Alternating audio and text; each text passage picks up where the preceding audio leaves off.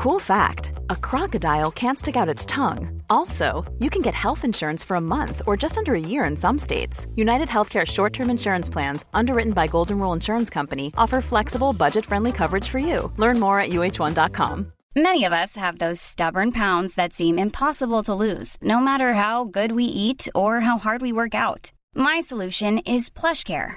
PlushCare is a leading telehealth provider with doctors who are there for you day and night to partner with you in your weight loss journey. They can prescribe FDA-approved weight loss medications like Wagovi and Zepbound for those who qualify. Plus, they accept most insurance plans. To get started, visit plushcare.com slash weight loss. That's plushcare.com slash weight loss.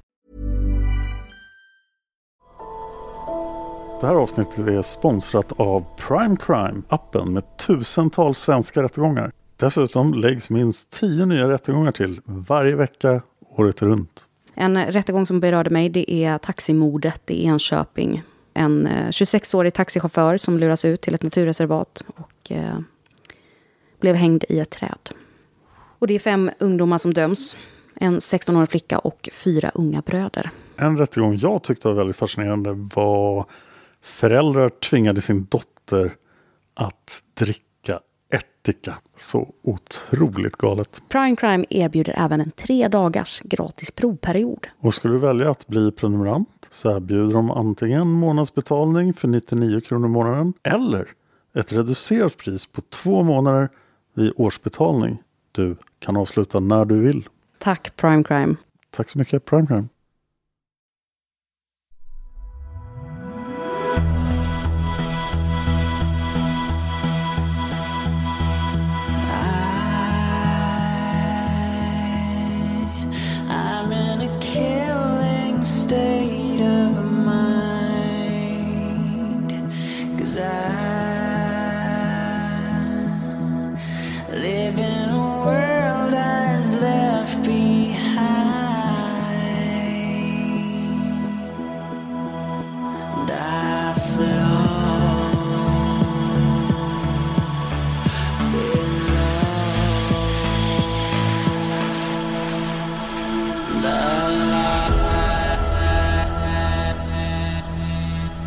Lyssnar på Mördarpodden. En podcast av Dan Hörning och Josefin Måhlén. Intro och bakgrundsmusik görs av Erik Segerstedt.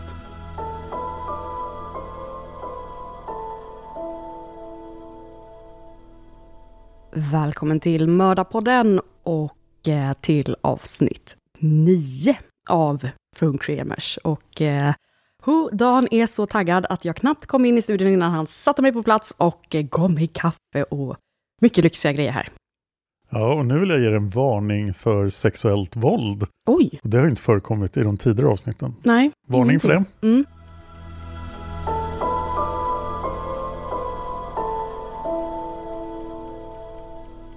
För att vi ska känna oss trygga nu när jag ska berätta lösningen, gärningsbeskrivningen, en teori som eh, väldigt många tror på i det här fallet, så vill jag ändå att vi ska börja på en plats som känns kanske inte trygg men någorlunda bekväm.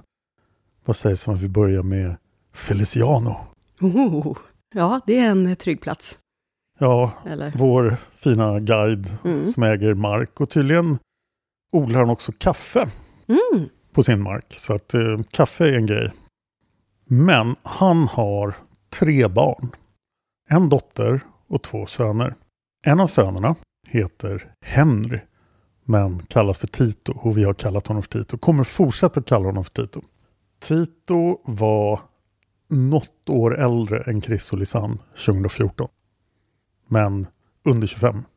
Det finns ganska många vittnen och människor i Pekete som har reagerat på att Tito är lite stökig Mm. och lite jobbig. Och när han dricker så blir han väldigt aggressiv. Och i podden Lost in Panama intervjuar de flera personer som säger att Tito är farlig, arg och en psykopat. Och Tito är verkligen en person som har riktats mycket uppmärksamhet. Jag hoppas verkligen att han inte är helt oskyldig Ja. till det här folk säger om honom. Han kommer att figurera mycket idag, men det finns även en till son. Han heter Shani. Och han vet man nästan ingenting om, men han har utpekats som medlem i ett kriminellt gäng på nätet. Det är ungefär allt jag vet om honom. Okej. Men Tito och flera andra unga män i Bukete kommer att bli misstänkliggjorda av en kvinna som heter Margarita. Och Margarita är den stora, stora källan till den här teorin.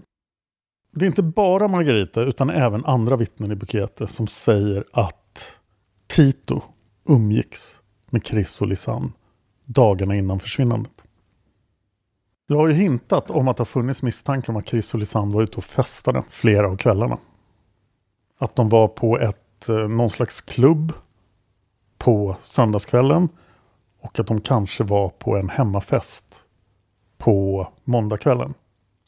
Det finns inga bilder från det här. De har inte nämnt det i sina dagböcker. Och föräldrarna säger att det här kan verkligen inte ha hänt. Men det är ett väldigt vanligt rykte i buketen.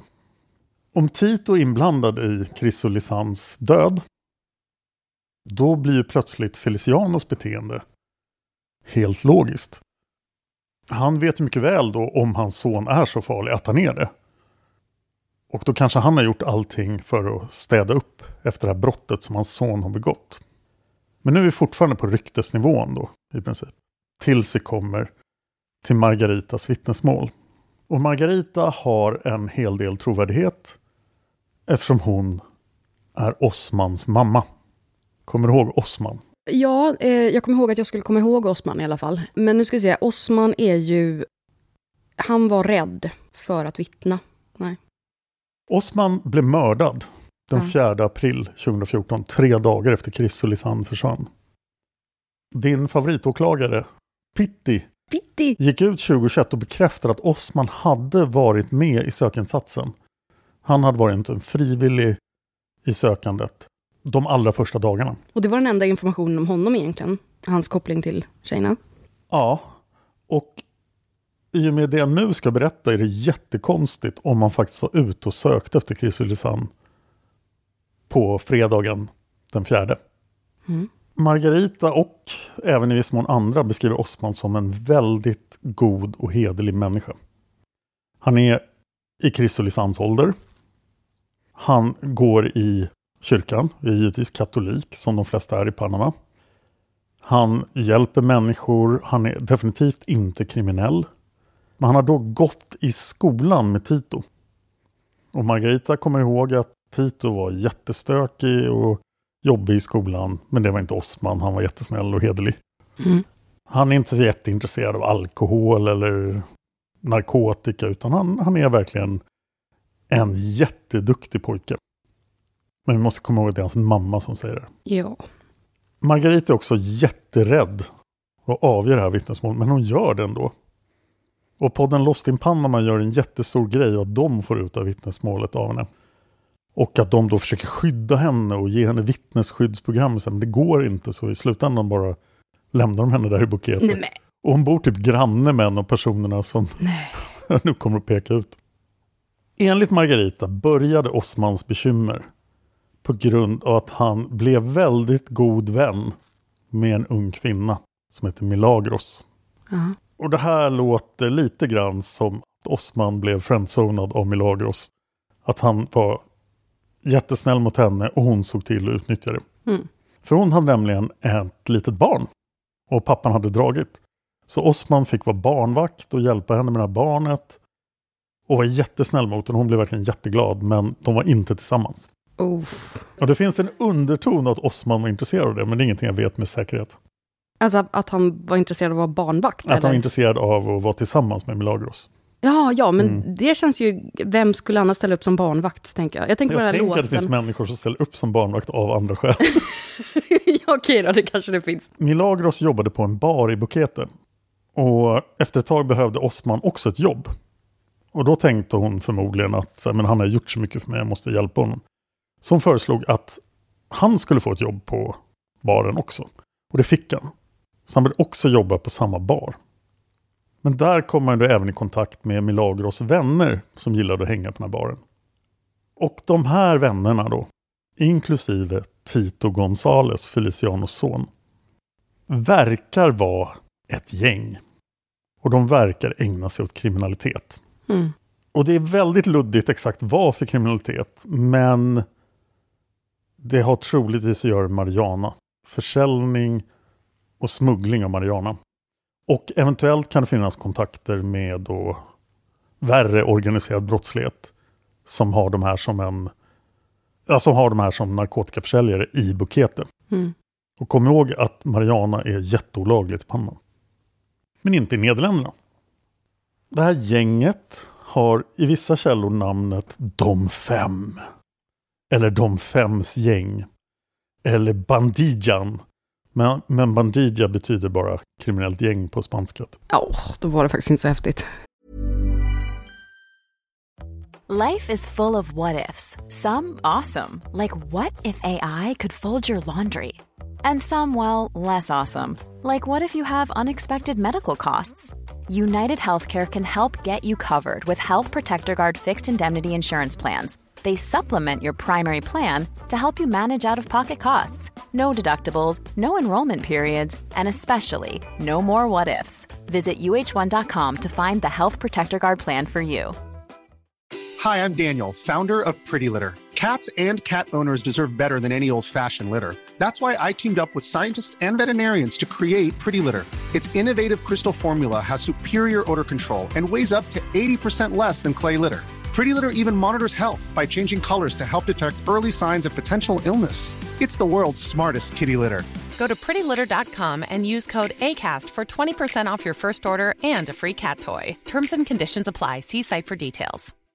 If you're looking for plump lips that last, you need to know about Juvederm lip fillers. With Juvederm Volbella XC and Juvederm Ultra XC, your lip look, whether it's subtle or bold, can last up to one full year with optimal treatment and no additional maintenance. Find a licensed specialist and see if it's right for you at juvederm.com today. That's J U V E D E R M.com. Add fullness to lips in adults over 21 with Juvederm Volbella XC or Juvederm Ultra XC. Do not use if you have severe allergies or a history of severe allergic reactions, or if you're allergic to lidocaine or the proteins used in Juvederm. Tell your doctor if you have a history of scarring or taking medicines that decrease the body's immune response or that can prolong bleeding. Common side effects include injection site redness, swelling, pain, tenderness, firmness, lumps, bumps, bruising, discoloration, or itching. As with all fillers, there's a rare risk of unintentional injection into a blood vessel, which can cause vision abnormalities, blindness, stroke, temporary scabs, or scarring.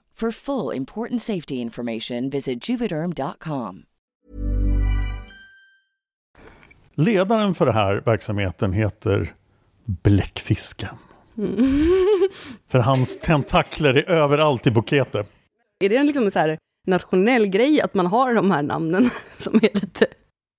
Ja, du menar som den eh, kurdiska reven? Ja, men, men eh, det verkar ju vara lite så här bläckfisken. Ja, det finns även en kille i gänget som kallas för Korpen. Men, men, ja, men jag tror det. Jag tror det.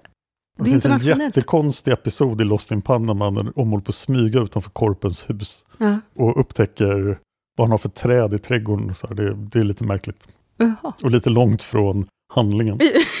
ja. Det är värre än när vi svävar iväg. Så nu har vi alltså Tito, Mm. Bläckfisken, Korpen och nästa gängmedlem jag vill presentera. Det är, också, det är väldigt oklart vilka som är med i gänget. För de verkar vara fler än fem. Mm. Men en viktig kille i gänget är Murgas. Mhm. Kom ihåg Murgas. Murgas känner Osman sedan barndomen, precis som Tito. Men Murgas och Osman är vänner på ett helt annat sätt än vad Osman och Tito är. Och Osman verkar verkligen tycka om Murgas och tvärtom. Det finns även en kille som heter Israel och en som heter Sam John Downer. Det låter ju inte så spanskt. Nej, låter lite som ett artistnamn. Och nu är de fler än fem också. Ja. Men de viktiga är Murgas, Tito och Bläckfisken. I samband med att Chris och Lisanne försvann den 1 april 2014 berättade Osman för sin mamma att han hade problem med Bläckfisken och hans kriminella gäng. Osman sa till mamma att gänget hade hotat honom och att de skulle döda honom om han berättade någonting. Då blir förstås Margarita nyfiken och frågade Vad är det du inte får berätta Osman? Varpå han gjorde det för sin mamma. Osman hade nämligen sett Chris och Lisanne sitta i bläckfiskens röda pickup Mm. på torget i Bukete. Det finns också flera anonyma vittnen som uppger att de har sett Chris och Lisanne i den här röda pickupen i Bukete. Oberoende vittnen. Ja. Polisen verkar utrett den här röda pickupen för den var ju uppe på pianist också i Mm. vissa vittnesmål. Mm. Och kommit fram till att den tillhörde en oskyldig civilperson som hade hyrt ut den till en blomsterbutik. För det var ju en blomstermässa i Bukete precis då. Och Chris och Lisanne har varit på den här blomstermässan och tittat. Mhm. Så att pickupen verkar användas för att frakta blommor. Men Bläckfiskens familj, för han har en familj som äger restauranger och lite annat. De verkar också ha varit inblandade i den här blomstermässan. Så att gänget skulle ha kommit över pickupen under den här tiden verkar inte helt otroligt. När Osman såg Lisanne och Chris i Bläckfiskens bil hade de varsin öl i handen och de rökte marijuana. Exakt vilken dag Osman såg Chris och Lisanne i den röda pickupen är lite oklart. Det är antingen måndagen 31 mars eller på eftermiddagen den 1 april. Alltså efter att Chris och Lisanne var på pianista. Mm. Den 2 april får Osman reda på att Lisanne och Chris har försvunnit. Och han pratar med sin mamma den 3 april. Som jag förstår det. När Osman får reda på att Chris och Lisanne har försvunnit går han inte till polisen och berättar någonting. Förmodligen för att han inte vågar. Mm. Eh, Och det, det verkar vara en grej i Panama att man vågar inte prata med polisen. Den lokala brottsligheten är mäktigare än polisen. Mm. Men han vill gärna hjälpa till. Så han ansluter sig frivilligt till sökinsatsen. Och det finns ju ingen sökinsats den 2 april. Nej. Om man ens får reda på den 2 april, låter också osannolikt. Men han säger att han får reda på den 3 april omedelbart hänger på någon slags sökinsats som Feliciano säkert ligger bakom. Sen berättar Osman också att Milagros har sagt till honom redan den 3 april, som jag fattar det, att Chris och Lisanne var döda och att de hade blivit mördade. Och det var efter det här som gänget började hota Osman. Så det går väldigt fort här. Och den 4 april dör Osman. Han har hunnit berätta det för sin mamma och sen dör han. Det här har ju klassats som ett mord. Först var det inte klassat som mord för Osman hittas drunknad i grunt vatten. Men han har märkliga skador. Först försvinner han och när folk börjar leta efter honom så hittas han 25 meter från den platsen där han senast sågs till. Han har i princip bara gått från den platsen rakt ut i vattnet och drunknat. Man har också skador i bakhuvudet. Han har flera blåmärken på kroppen. Och Margarita säger att hon såg kroppen och han hade tydliga tecken på att han hade varit bunden. Men det här togs inte upp i obduktionsrapporten. Det som däremot obduktionsrapporten reagerade på var att det inte fanns något vatten i hans lungor. Och det gör det ju när man har drunknat. Utan han alltså var död innan han hamnade i vattnet. Det här leder förstås till kontrovers om det var en olycka eller inte. Polisen klassar det först som olycka men sen ändrar de det till mord. Så att det här är någonting som polisen anser är ett mord. Mm. Men de har aldrig gjort särskilt mycket för utredare. Och mordet på Osman skulle ju som jag sa tidigare kunna bli ett eget avsnitt. Men jag har inte källmaterialet till det. Nej. Än. När det hålls någon slags katolsk ceremoni. Och som jag fattar det är inte en begravning. Med anledning av Osmans död. Och folk är samlade hemma hos Margarita. Vänner och anhöriga. Så kommer det kriminella gänget dit och börjar kasta sten på fönstret. Och stör själva ritualen. Finns det vittnen som styrker det? Eller är det Margaritas berättelse? Det är Margaritas berättelse. Det Mm. kan mycket väl finnas vittnen som, Mm. som stödjer det. Det verkar ha gjorts viss utredning av Osmans död, men så det ledde ingenstans. Det är ett olöst mord.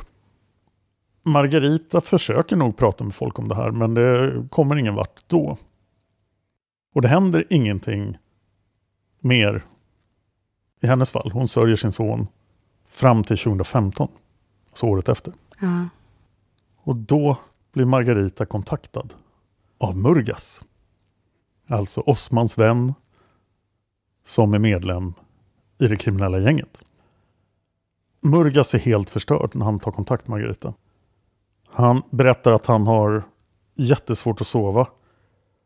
Och han har supermycket ångest. Och han ångrar sig. Och när hon frågar vad han ångrar för någonting så erkänner han för henne att det var gänget som dödade Osman. Murgas berättar också för Margarita att han var med och att han var delaktig i mordet på hennes son. Margarita frågar då Murgas varför gänget mördade hennes son.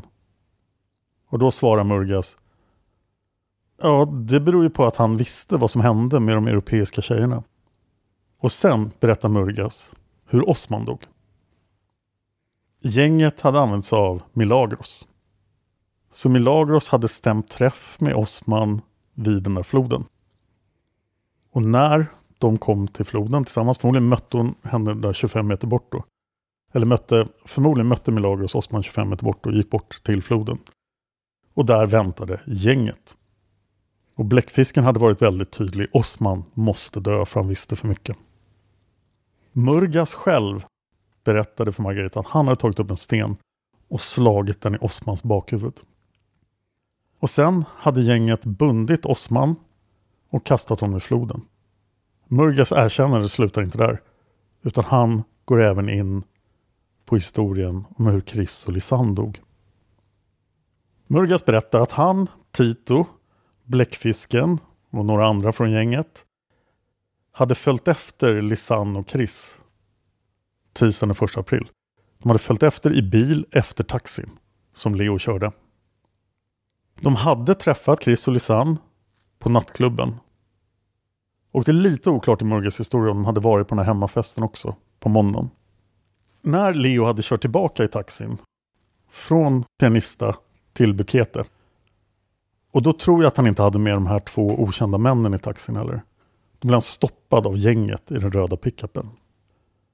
Och då krävde de att Leo skulle berätta vart han hade kört Chris och Lisanne. Och han berättade att han hade släppt av dem vid Pianista. Och när Murgas berättar det här för Margarita är taxichauffören Leo redan död.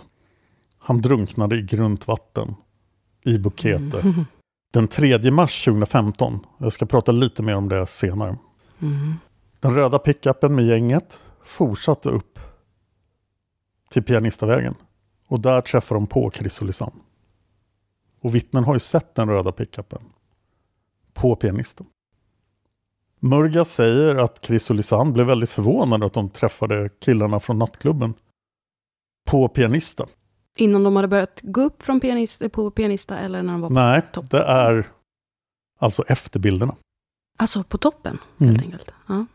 Och det finns uppgifter att gå och köra en ganska bra bit upp på Pianista. Men det finns också ett an, en annan väg upp till Mittador som bara lokalbefolkningen känner till. Speciellt då folk som är duktiga guider, som Feliciano och hans son Tito. Den här vägen kommer ut i en del av Bukete som heter Palo Alto. Och i Palo Alto ligger Korpens hus. Killarna sa till Chris och Lisanne att de skulle köra dem till en annan utsiktsplats som var bättre än Mittador. Men istället, säger alltså Margarita att Murgas hade berättat för henne, hade de kört till Korpens hus i Palo Alto. Och där hade det blivit party. Chris och Lisanne och gänget hade druckit massa sprit och rökt massa marijuana. Och då hade Tito fått i sig sprit. Och då vet vi ju att Tito tenderar att bli våldsam. Men han blev också väldigt intresserad av Chris. Chris var inte lika intresserad tillbaka. Och då började Tito tafsa på henne. Mm. Chris försökte stoppa hans närmanden, men han var mycket starkare än vad hon var. Och då örfilade Chris Tito. Och då slog någonting slint för Tito. Och han började slå Chris i ansiktet med knytnävarna. Slag efter slag efter slag. Chris föll till marken. Och då kastade sig Lisanne över henne för att skydda henne. och sa någonting i stil med rör inte min vän, sluta. Då tog en av killarna, väldigt oklart vem, fram en hammare och slog den i Lisannes huvud. Chris blödde, Lisanne blödde från huvudet och Murga sa att det här såg ut som ett blodbad. Och Murgas berättade för Margarita, enligt Margarita, att han inte visste om Chris och Lisanne fortfarande var vid liv när gänget började gruppvåldta dem. Men när gruppvåldtäkten var över var de döda. Men oj. Och bläckfisken kom ju från en familj med massa kontakter i Bukete som också hade ursprungsbefolkning anställda, folk från Alto Romero. Och bläckfisken kom fram till att då måste de ju stycka kropparna för att göra sig av med dem. Det här får inte komma ut förstås. Och då bad de en anställd till bläckfiskens familj att göra det här. Så att de styckade inte kropparna själva. Utan den här stackars killen från familjen fick göra det. De la kroppsdelarna i svarta sopsäckar och grävde ner dem på tomten. Alltså bredvid Korpens hus. Under ett mangoträd. Och Lost in Panama-podden gör en jättestor grej när de smyger runt utanför Korpens hus. Att de noterar att det faktiskt finns ett mangoträd där. Ja. Och då bara, ah, historien Ja. verkar jättetrovärdig för att det fanns faktiskt mangoträd på hans tomt. Mm. Men det, det bevisar ingenting. Nej. Sen berättar Murgas för Margarita att gänget tog tjejernas mobiltelefoner, gick ut en bit i djungeln och försökte ringa larmnumret för att skapa en bild av att tjejerna hade gått vilse. Och sen är alltså allting fejkat av det kriminella gänget för att ge intrycket av att Chris och Lisanne gick vilse. Nattbilderna, alla telefonsamtalen, allting fejkat av det kriminella gänget. Bläckfisken och hans killar. Pinkoden då? Mm. Den här historien då har ju vissa svårigheter. Men det kommer en lite bättre version av den om ett litet tag. Men eh, det första larmsamtalet är väldigt tidigt då. Säg att de blir hämtade på... Alltså de blir hämtade vid bild 508. Mm. Så måste man ändå gå tillbaka till bilen som ju inte gärna kan ha åkt in där. Som jag förstår det. Men de ska ner till Korpens hus. Och sen ska de börja festa. Och så ska allt det här våldet ha hänt. Om det nu inte var Chris och Lisanne som faktiskt ringde larmsamtalet först. Men det finns täckning i Korpens hus. Mm. Men Lost in Panama gick in i djungeln några hundra meter från Korpens hus, alltså utanför Bukete. Och där fanns det ingen täckning. Jag har nu i morse också tagit reda på att det finns mera, flera master i Bukete. Men inga på andra sidan. Ja, okej. Och det här låter ju som en extremt uttänkt plan då från det kriminella gänget. Tito begår ett brott, alla andra hänger på, alla är fulla och höga. Och sen lanserar de den här mästerplanen och skickar ut någon, för vi vet ju att nattbilderna är tagna på andra sidan vattendelaren. Så de skickar någon upp på berget, ner på andra sidan, som får sitta i djungeln i tre timmar och ta nattbilderna. Mm. Och sen har vi bild 580. På Lisans hår? Nej, på Chris hår. Ja, förlåt, Mm. ja, Chris hår. Och vi vet ju att Chris fick en massa slag i huvudet. Det var ju i och för sig ansiktet i den här berättelsen. Mm. Men att Chris då har varit död i en vecka på den här bilden. Har de då suttit och tvättat hennes hår eller vad är det som har Mm. hänt? Det, det blir världens mest komplicerade cover-up. Mm. Och i Lost in Panama pratar de också med en kriminaltekniker som är expert på hur brottslingar försöker dölja sina brott. Och den personen reflekterar också över att det här måste vara den mest komplicerade cover-upen ever. Men Murgas är inte klar. Han berättar för Margarita också att de bestämde sig för att lägga ut ryggsäcken med allt det här då. När myndigheterna började komma för nära i sina undersökningar. Så då var de tvungna att lägga ut den. Men de hade så suttit och hållit på den i nio, tio veckor. Mm. Och Murgas säger aldrig att Feliciano var inblandad. Men det är ju en ganska lätt tanke att få. Eftersom han alltid är där. Och han skulle ju mycket väl ha kunnat göra en sån här cover-up tillsammans med dem. Mm. Dessutom lägger då gänget eller Feliciano ut kroppsdelarna. För att förstärka teorin om att det och det intressanta är ju att det faktiskt fungerar, att myndigheterna blir övertygade om att det här är en vandringsolycka. När Murgas har berättat hela den här historien för Margareta så säger hon att det, det är ju fint att du berättar det här och att du ångrar dig men det här måste ju någon få veta. Och till slut går Murgas med på det. Så de bestämmer sig för att nästa dag träffa en advokat och prata om hur de ska förmedla informationen till myndigheterna. Mm. För Murgas har också erkänt att han har begått en massa brott. Så de måste ju fundera över vilket straff han kommer att få och sådär. Mm. Så Margarita och Murgas bestämmer sig att de ska träffas vid advokatens kontor nästa dag. Men det här råkar vara Murgas 22-årsdag. Och den måste han ju förstås fira. Och han ska ju fira det på Milagros bar. Det är inte hennes bar, men baren där hon jobbar och där Osman jobbade innan han blev mördad. Så Murga samlar alla sina kompisar, inklusive det kriminella gänget på baren. Och sen blir det fest. Och med väldigt mycket alkohol.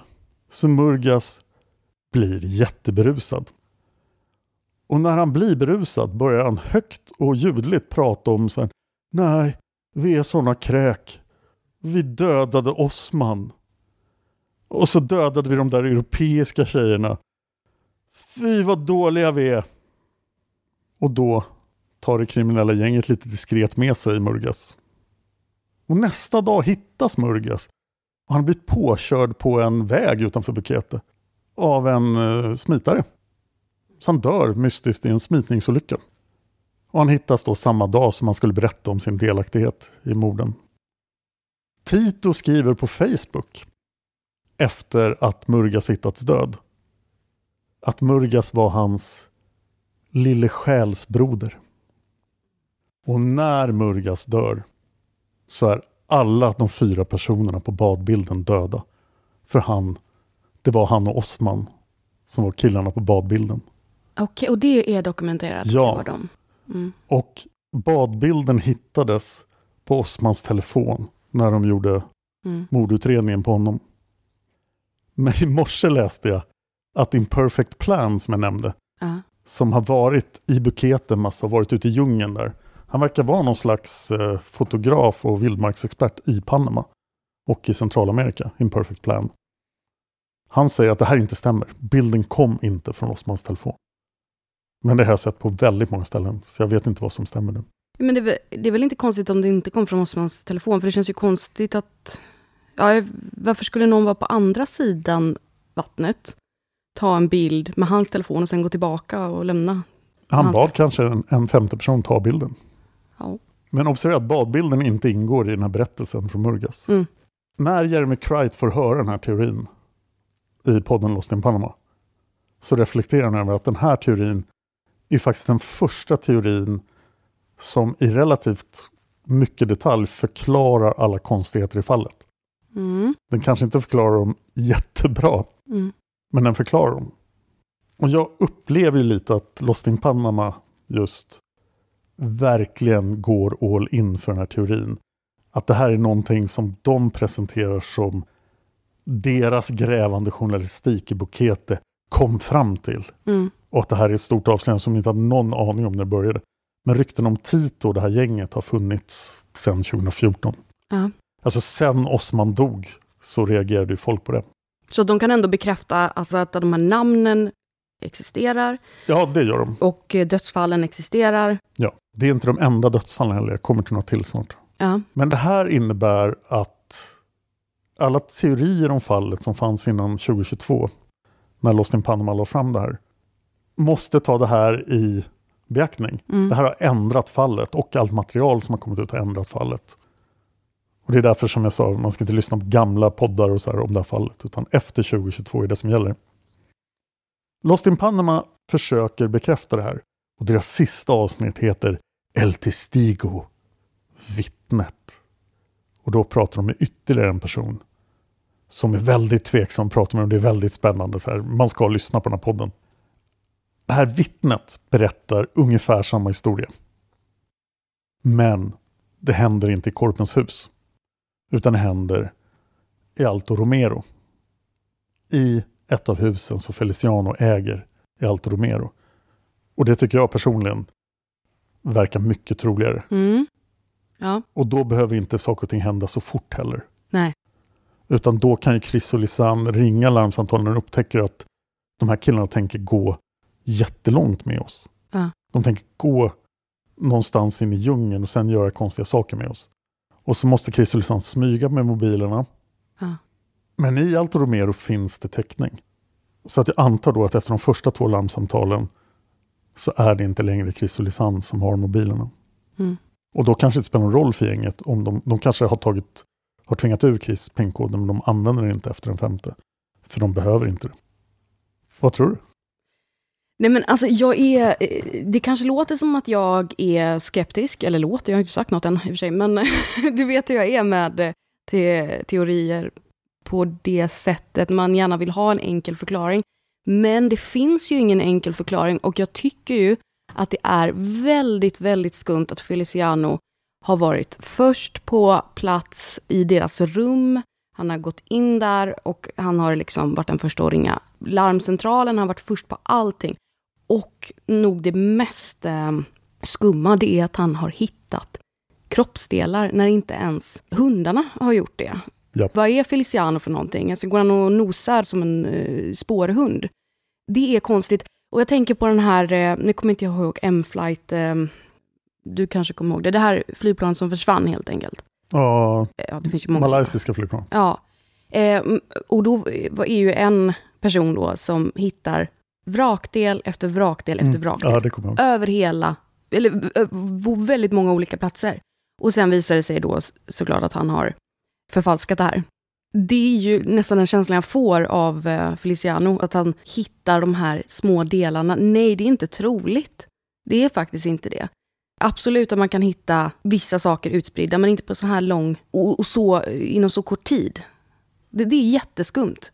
Så att jag förstår att eh, Jeremy Cright ändå kan köpa den här teorin. Att han... Det, det säger jag inte att han gör, men han Nej. säger just att det här är den första teorin som förklarar allting. Ja, i och med Feliciano så känner jag att det här kanske inte är en olycka. Men så har ju, man ju tänkt på det, om det skulle vara ett brott, då är det väl förmodligen att de har tagit sig till eh, den här sidan och i Feliciano till exempel då, hans hus där. Men som behöver inte ha dött på plats, utan de kan ju också ha försökt smita därifrån. Mm. Och på det sättet dött. Alltså att de har varit tillfångatagna och, och sen försökt smita och... Det ska vi komma tillbaka till i nästa avsnitt. Ja, just det, just det. Nu ska inte jag börja med Brott och olyckoteorin. Ja, eh, men sen en annan tanke som slog mig, det var, vad hette mamman till Osman? Margarita. Margarita. Alltså hennes son har ju blivit mördad och den sista hämnd, även om inte hon vet varför han har blivit mördad, skulle ju kunna vara att få dessa människor åtminstone misstänkta för ett brott. Ja, som jag förstår också så var flera i gänget misstänkta för att ha mördat Osman. Alltså Mm. polisen var intresserad av dem, men de kom ingen vart. Nej, Så Margarita kan ju mycket väl ha fått uppfattningen att det var gänget som dödade Osman, och det här är ett försök att hämnas. Ja, eller att hon tror på berättelsen. Det skulle också kunna vara, alltså man vet ju inte när, när liksom uppgifterna har blivit fel, om de har blivit fel eller om de stämmer. Vad tycker du Dan? Jag vill höra vad du tycker nu. Jag tycker att det här verkar alldeles för avancerat vad gäller en cover-up, men det kan ju finnas x procent av den här historien som är sann. Ja, Det kan ju mycket väl Mm. vara någon av de här människorna som är ansvarig mm, för Chris och Lisans död. mm, Men att det inte gick till precis på det här sättet. Bara det att platsen där det hände ändrades i El Testigos berättelse och i Margaritas berättelse. mm. Och det är ju inte konstigt för det är ju liksom andrahandsuppgifter. Ja. Och dess, nej, tredjehandsuppgifter, för det, det ja, eller för sig Amurgas var ju Ja, andrahandsuppgifter. ja. Men eh, Osmans är ju, blir ju tredjehandsuppgifter för eh, Margarita. Just det. Eh, och han har ju inte varit, så han kan ju liksom ha hört fel. Och jag tänker även om han är på den här, alltså att leta efter tjejerna, för han kände ju tjejerna. Att det kan ju vara i samband med det som han får reda på detta också. Så det behöver inte vara att han liksom får reda på det och sen går ut och letar för av, av liksom att han vill vara schysst. Utan det kan ju vara för att en, naturligt han är ute och letar, men Det verkar inte som att Osman kände Chris och Lisanne. man är ju med på bilderna när han badar med dem. Ja, det har du rätt i. Ja, om han är med på badbilden, men i hans berättelse till sin mamma låter det inte som att han känner dem. Nej, men det kan ju vara att man bara Ja. känner partykänner liksom. Och Men vad de, berättar man för mamma? ja, ja, vad gör man? Men det, alltså, det är ju intressant. Det slutar inte dö folk Nej. i Bukete heller. Utan nu har vi alltså Osman och Murgas är döda och Leo, taxichauffören. Ja. Leo dog alltså den 3 mars 2015. Och han stod och väntade på en taxikund vid en badplats. Och det var en kille som klättrade där i närheten. Som hette Cesar Castillo. Han var klättringsinstruktör, han var ute och klättrade där. Och han såg Leo stå och vänta på sin kund. Och sen klättrade han omkring och sen helt plötsligt såg han Leo flyta i vattnet, upp och ner. Och då klättrade han ner och såg att Leo var död, att han inte hade någon skada i huvudet. Och det var helt obegripligt hur han hade drunknat för det var jättegrunt där. Så Cesar Castillo, den här klättringsinstruktören, han berättade högt och ljudligt att han trodde att det var ett mord. Och det är oklart om det är just den här klättringsinstruktören. Men en Cesar Castillo hittas död i en skogsdunge 2018 i Bukete. Och dödsorsaken är högst oklar. Den 4 april 2015 hittas Jorge Rivera Miranda död i Bukete. Han har också drunknat i väldigt grunt vatten. Och han var vän med Tito. Och i vissa källor är han medlem i det här gänget också, men inte i andra. Men eh, när de här drunkningsolyckorna i väldigt eh, grunt vatten, de här två senaste nu som du berättade. Fanns det någon annan information om, alltså hade de vatten i lungorna? Eller? Det är nästan allt jag vet om dem. Det är bara det. Men Palmapolisen har inte betraktat dem som mord.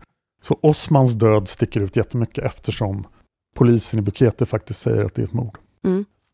En annan person som dog i Bukete, som var väldigt engagerad i fallet Chris Olisan, var en Lee Selter. Han var från USA och hade flyttat till Bukete för att det är så bra där, som vi sa i första avsnittet, eller i andra avsnittet. Han drev buketeguide.com och bukete.ning.com. Han gjorde massor av intervjuer om det här fallet och postade mycket på forum om det här fallet. Men han fick någon slags eh, hjärtproblem verkar ha varit. Sökte vård, fick komma hem igen och sen dog han. Förmodligen på grund av de här hjärtproblemen. Men det är ganska många som har hunnit dö sen Chris Olisan försvann i Bukete. Mm. Och de flesta dödsfallen är just det första året. Eller fram till mitten av 2015. Ja, I nästa avsnitt ska vi spekulera vilt, men jag har en del saker kvar i det här avsnittet. Mm. Vi måste prata om ett massmord som hände i närheten. 2020 upptäcktes det här. Ja. Det var ursprungsbefolkningen som hade hackat ihjäl en gravid kvinna och sex barn ute i djungeln. Och då går mina tankar direkt till de här benen som Ja, hittades. Som vi inte vet vilka det var. Vi vet inte ens om det var fem eller tre individer. Mm. Men man hittar massgrav. Men de benen hittades ju också tidigare. Ja, och nio personer greps av ursprungsbefolkningen. Och det här var ett avlägset område, lite grann som Alto Romero, men det var inte Alto Romero. Polisen meddelade också att de hade räddat 15 personer som de trodde skulle bli mördade av de här nio. En av de gripna var farfar och morfar, tror jag, till, de här, till några av de här sex barnen som hittades döda. Det var tre stycken ursprungsbefolkningen som flydde från sin by Mm. för att berätta det för polisen. Då åkte polisen dit i helikopter och hittade massgraven. Och den här händelsen har ju lett till att folk har börjat spekulera i kan ursprungsbefolkningen ha mördat Chris Olisan? Ja. Om jag får fråga, fanns det något motiv till mordet? Varför har de ihjäl en gravid kvinna och sex barn? Det är högst oklart. Men det verkar ha varit någonting religiöst, någonting kulturellt. Mm. Att den här kvinnan hade begått någon synd av något slag. Mm. Och då tänker ju folk sig, men tänk om Chris och Lisanne uppfattades som syndiga, Mm. lättklädda europeiska kvinnor ute i djungeln. Och de kanske gjorde något kulturellt olämpligt. Mm. Det finns förstås ingenting som tyder på det här. Men det är en bättre teori än kannibalteorin som jag måste ta upp också. Nu börjar jag spekulera. Ja, nu börjar det. Men den stryker vi redan där så vi slipper den i nästa avsnitt. För det finns Ja. inga dokumenterade fall av kannibalism i Panama. Vad jag har kunnat hitta. Mm. Och ingen som seriöst driver den här teorin. Och sen vill jag berätta om eh, platsen där ormfloden slutar. Men vänta lite, stopp där. Strök du Ja, kannibal? inga kannibaler. Så du bara liksom nämnde den? ja, ja. Ja, men det, är- det är någonting som har kommit upp Ja. ibland. Men Mm. kannibalism, det är förmodligen troligare att om, om ursprungsbefolkningen dödade Olisant så gjorde de det av moraliska skäl. Mm. Eller något annat skäl. Ja, eller, eller sexuella skäl eller Vilket skäl som helst. psykopatiska skäl, men Mm. inte av kannibalism. Nej. Ja, nu ska vi prata om slutet på ormfloden. Det framgick ju dessutom att inga djur hade tuggat på kroppsdelarna, så då har nog inte människor heller Just det, tuggat på de dem. sa ingenting om människor. Nej, de sa ingenting faktiskt. hade säkert varit någon polis från Panamapolisen som hade gnagt lite på benen för att se att de var riktiga. Det holländska författarparet Marja West och Jürgen Schnoerer, Schnåren, Schnören? Jörgen Schnören kallar de De har skrivit en bok om det här fallet som heter Lost in the Jungle. Och de har precis startat en ny sökinsats.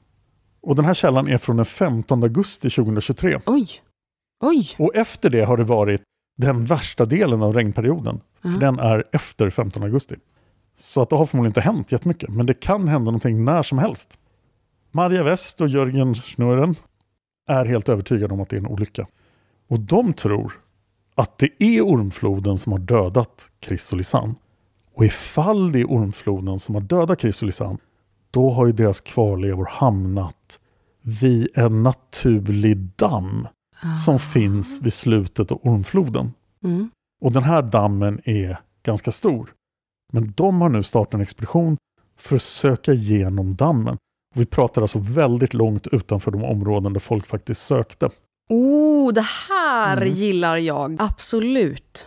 The Sun berättar i juli 2023, citat.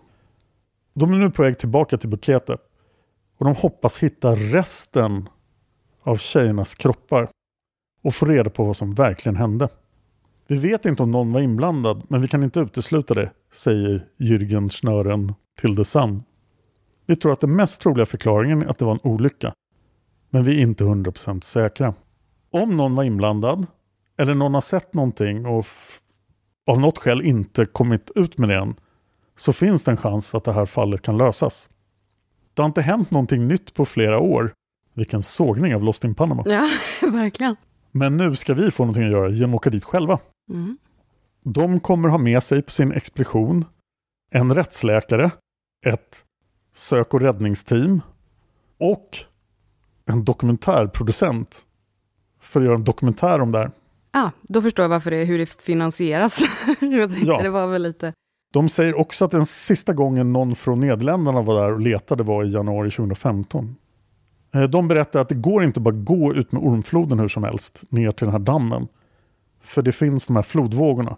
Och vattnet kan höjas extremt bara på några minuter. Så pass fort att man kan dö av det. Mm. Det finns stenar som är stora som hus i ormfloden. Det går inte ens att klättra upp för dem. Det finns massor av vulkaner där. Allting är jättebrant. Och du kan komma till platser när du går ner ut med floden där du inte alls kan gå tillbaka. Men vid slutet av ormfloden finns en damm. Och den är ett filter som stoppar alla trägrenar och liknande som kommer ner från floden. Om benen har drivit ner för floden, då kommer vi hitta dem där. Hi, I'm Daniel, founder of Pretty Litter. Cats and cat owners deserve better than any old fashioned litter. That's why I teamed up with scientists and veterinarians to create Pretty Litter. Its innovative crystal formula has superior odor control and weighs up to 80% less than clay litter. Pretty Litter even monitors health by changing colors to help detect early signs of potential illness. It's the world's smartest kitty litter. Go to prettylitter.com and use code ACAST for 20% off your first order and a free cat toy. Terms and conditions apply. See site for details. Vi tror att det här är den bästa chansen att lösa det här fallet. Och det var vad de sa. Det är väldigt spännande. Jättespännande.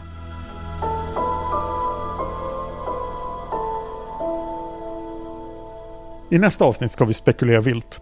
Men, och jag, jag vill att ni också ska spekulera vilt. Mm. Och mejla oss på simboipodcast.gmail.com och berätta vad ni tror om Chris och Lisanne. Så vi kan ha hälften av lyssnarhistoria avsnitten är bara Chris och Lisanne i 20 år framöver. Men när ni gör det så tänker jag nu dra ett stort antal frågor som inte är besvarade i det här fallet. Och försök få era tider att besvara de här frågorna. Mm. Vems fingeravtryck var det på ryggsäcken, mobiltelefonen och bhna? A. Chris. X. Lisanne. B. Panamapolisens. Varför gick inte Chris och Lisanne tillbaka efter att man hade gjort sitt första larmsamtal?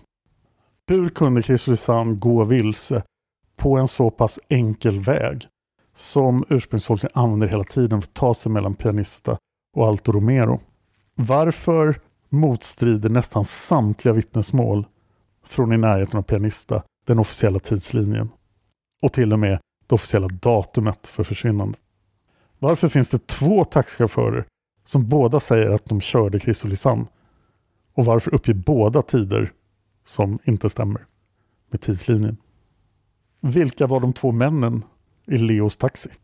Varför säger språkskolan att Chris och Lisanne lämnade den klockan 13 den 1 april? Var togs nattbilderna? Hur kunde övervakningskamerafilmen försvinna? Varför berättade utredningen ingenting om lokal kriminalitet för de anhöriga och för de nederländska myndigheterna? En uppgift säger att det fanns 15 olika gäng som kämpade om narkotikamarknaden runt Bukete. Det låter väldigt mycket för en stad med 12 000 personer. Varför sa nederländska myndigheter att nattbilderna var alldeles för mörka för att kunna tillföra någonting? När vi idag har sett dem, att de går att göra ljusare och man ser saker på dem. Varför tog det så lång tid att släppa alla bilderna? Vad hände med bild 509? Hur kan Betsaida Pitti och hennes utredning vara så dålig? Varför höll Chris och Lisanne bara på med sina mobiler på förmiddagen och eftermiddagen vid så bestämda tidpunkter och i princip på kontorstid? Varför togs det inga bilder med digitalkameran mellan den 1 och den 8 april? Varför försökte Chris och Lisanne aldrig kommunicera någonting på sina mobiler? Varför fanns det inga sms, inga videor, inga meddelanden alls? Och varför användes inte det nederländska språket på mobilen? Varför kan inte Chris slå in sin pinkod på mobilen efter den femte? Hur kan en iPhone klara sig 11 dagar ute i djungeln och fortfarande ha 20% batteri kvar? Hur kunde sökinsatsen inte hitta Chris och Lisanne? Vilka kvinnor var det som den tyska turisten hörde skrika på vägen upp till vulkanen? Och vilka var de där två männen han såg? Varför hävdar utredningen med en dåres envishet att nattbilderna är tagna vid den andra repron över Ormfloden? Hur lossnade Lisans fot? Hur kan Lisans hud inte vara lika långt gången i förruttnelseprocessen som de andra kvarlevorna? Och varför är Chris benblekt? Var är deras kläder? Hur hamnade Chris shorts i ett träd ut Ormfloden? Trädet nådde alltså ner till vattnet och shortsen fastnade i det. När hennes bäcken var brutet och hittades någon helt annanstans. Vem tillhörde den andra skon? Hur kunde utredningen manipulera bilderna från digitalkameran? Utan att ta backup av originalen. Ja, hur dog alla som drunknade i grundvatten i buketet? Det var bara ett exempel på frågor. Ni har säkert fler. Ja. Har du någon mer fråga? Nej, men jag tänkte säga, ni behöver inte svara på alla Dans frågor för att få godkänt. Nej, verkligen inte. Men försök svara så nyanserat och utförligt som möjligt. För att få ett högre betyg så kommer vi att... Det kommer bli ett helvete för oss att rätta sen, men jag hoppas att du sitter på facit. Och mejla era funderingar och spekulationer runt Lisanne till simwaypodcast.gmail.com simway med z. Ja. Ingen annanstans. Ingen annanstans vi vill ha er. Nu har vi bara ett avsnitt kvar och då kan vi äntligen spekulera vilt. Och då kommer jag och korsförhöra Dan med hans egna frågor. Oj, nej! Och vice versa. Ja, det tror jag inte kommer ha tid till nästa Kanske avsnitt. inte, men, men någon fråga. Jag vill tacka Jeremy Kright för hans arbete med Daily Beast och Lost in Panama och allt annat han har gjort för fallet. Jag vill tacka Scarlett R. Det finns en länk till hennes blogg i avsnittstexten. Jag vill också berätta lite hur Scarlett blev intresserad av det här fallet. För hon har ju verkligen engagerat sig jättemycket i det. Hon hörde talas om fallet och Lisanne påminde henne jättemycket om hennes egen syster som hade dött vid 22 års ålder. Nej. Under, under liknande tragiska omständigheter, men något mer vet jag inte. Okej. Och det tror jag inte hon har velat berätta. Nej. Men så jag vill tillägna avsnittet till Scarletts syster. Mm. Och till sist tack till Sofie Karlsson som har skrivit här manuset med mig. Tack Sofie. Tack Dan. Och i nästa avsnitt får vi också höra er spekulera vilt. Mm. Men vi vill som sagt fortfarande ha era nya spekulationer nu när ni har hört allt det här. Men det kommer några spekulationer vi fick innan vi började spela in Ja, i nästa avsnitt. bland annat en jätteotippad eh, recension som du fick, eller recension, jag har tappat ord. Jag fick en teori, Teori. fem minuter innan vi skulle spela in. Aha. Men vi får inte berätta den nu, men den, var, den fick mig att, att flabba till. Så det ska bli intressant att höra mer om den. Det är inte ufon. Det är inte ufon. Jag har hittat en enda ufo-teori. Den är nästan ännu mer långsökt än ufon tycker jag. Nej. Nej, nej, nej. Men ja. Ja, tusen tack för ännu ett eh, avsnitt där min puls har gått upp och ner och Följ oss på Patreon. Nu kan man ju följa på Patreon även utan att stödja.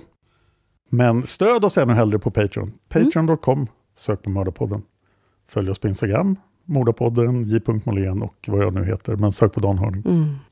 Och där på Mördarpoddens Instagram så finns det ju bilder från, det, eh, från fallet helt enkelt. Ja, Det är jättebra att vi har bilder där. Men om ni vill se alla bilder så gå till Scarlets blogg. Ja, verkligen.